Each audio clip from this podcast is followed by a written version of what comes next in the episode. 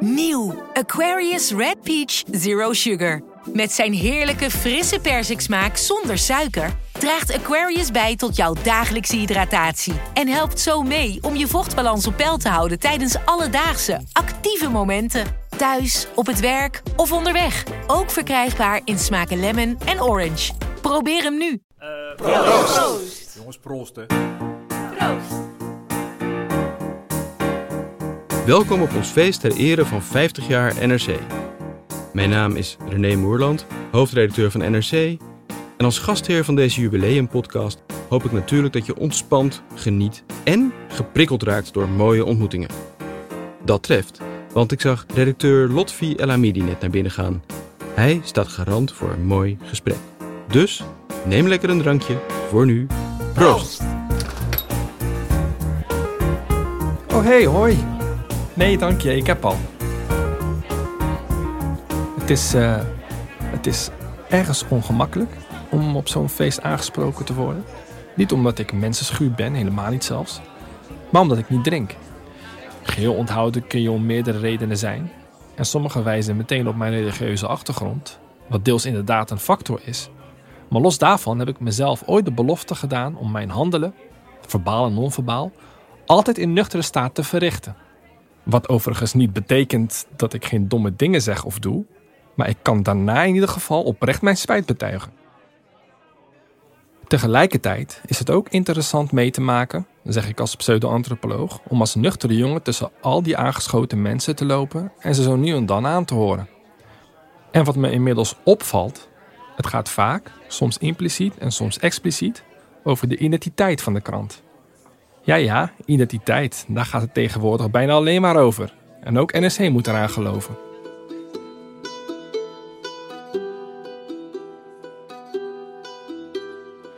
Het lijkt triviaal.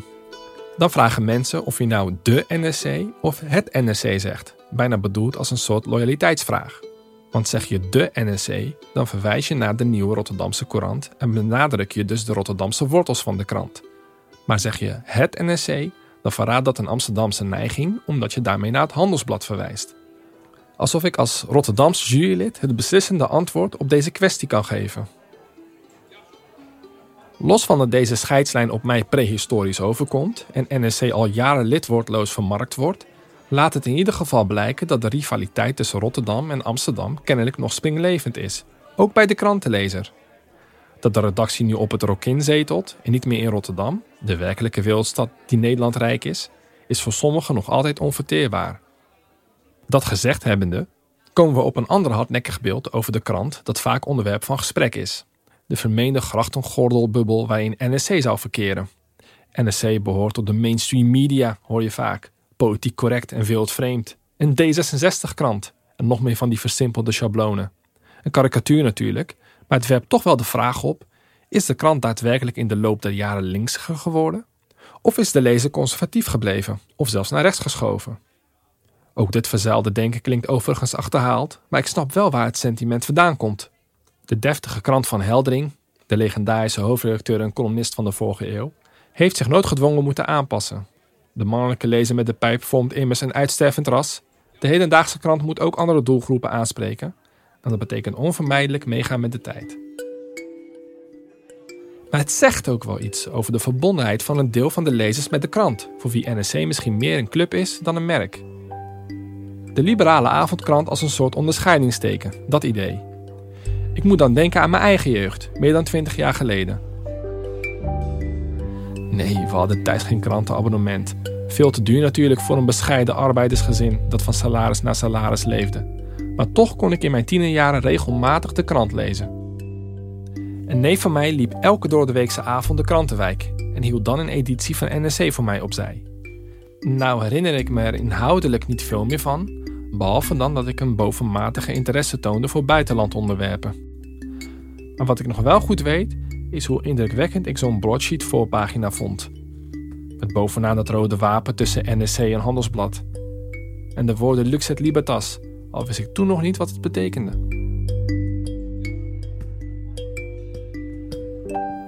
Nou had ik destijds niet in mijn stoutste dromen gedacht dat ik ooit voor NSC zou schrijven. Laat staan als columnist op pagina 2. Dat is niet vanzelfsprekend, besef ik nog altijd. En anders word ik er wel door anderen op gewezen. Zo maakt het niet uit wat de demografische samenstelling is van een feestje of borrel. Het blijft een terugkerende vraag of je als Nederlander van Marokkaanse komaf vooral aangenomen bent om je, tja, laten we het gewoon benoemen, om je achtergrond. De krant is een wit bolwerk, dat weet iedereen wel en de redactie zelf dus ook. NRC doet verwoede pogingen om daar verandering in te brengen. Dus als ze er een aannemen met een exotische achternaam, dan zal je dus wel om je achtergrond zijn aangenomen. Ik begrijp waar die ene vraag vandaan komt. Wat niet wil zeggen dat ik het niet vervelend vind. Of nou ja, niet per se de vraag zelf. Wel dat die anno 2020 blijkbaar nog steeds relevant is om te stellen. Ik moet denken aan een anekdote over een van mijn voorgangers, Weiden Anil Ramdas, die het ook allemaal eerder meemaakte. Toen hij columnist werd van NSC Handelsblad, werd hem door een journalist gevraagd of hij dacht dat dit was omdat hij een allochtoon was. Ramdas antwoordde: Ik hoop het. De journalist geeft op: Ik denk het. Toch wel een saillant verschil. Later legde Anil Ramdas uit waarom hij het hoopte. Je hebt geen allochtone journalisten nodig om te kunnen rapporteren over allochtonen. In principe zou iedereen dat kunnen. Maar alleen in principe.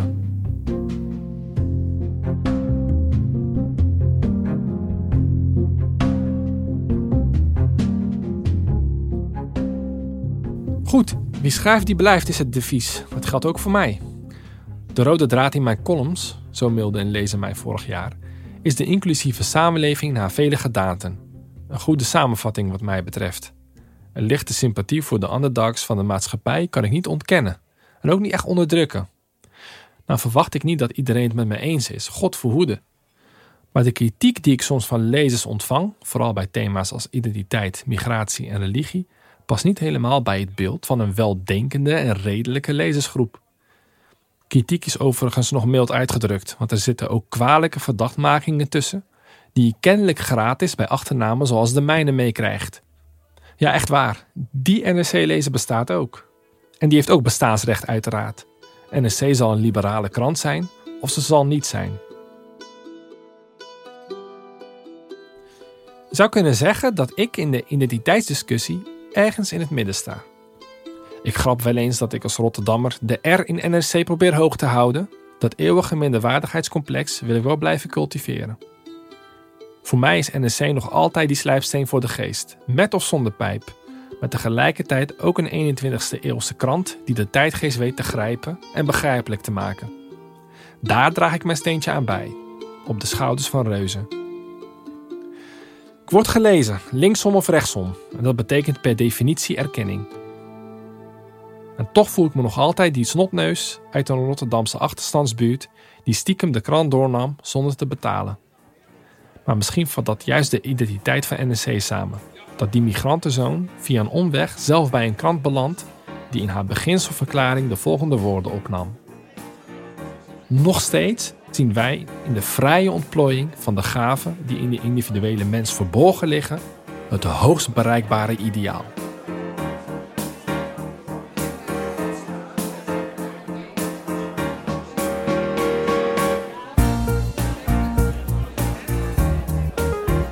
Hoort het. Lotvi zelf is het bewijs dat we ook nog altijd in Rotterdam geworteld zijn. Dank je, Lotvi, voor deze prikkelende overwegingen. In de volgende aflevering van Proost nog een geboren Rotterdammer. Arjen van Velen, die sinds kort een verrassende nieuwe hobby heeft. Tot de volgende Proost.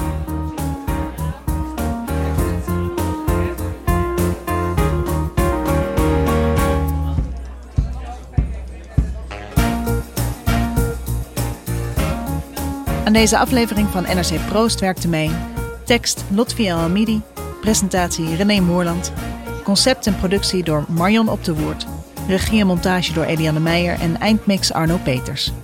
Chef van de audioredactie is Anne Moraal.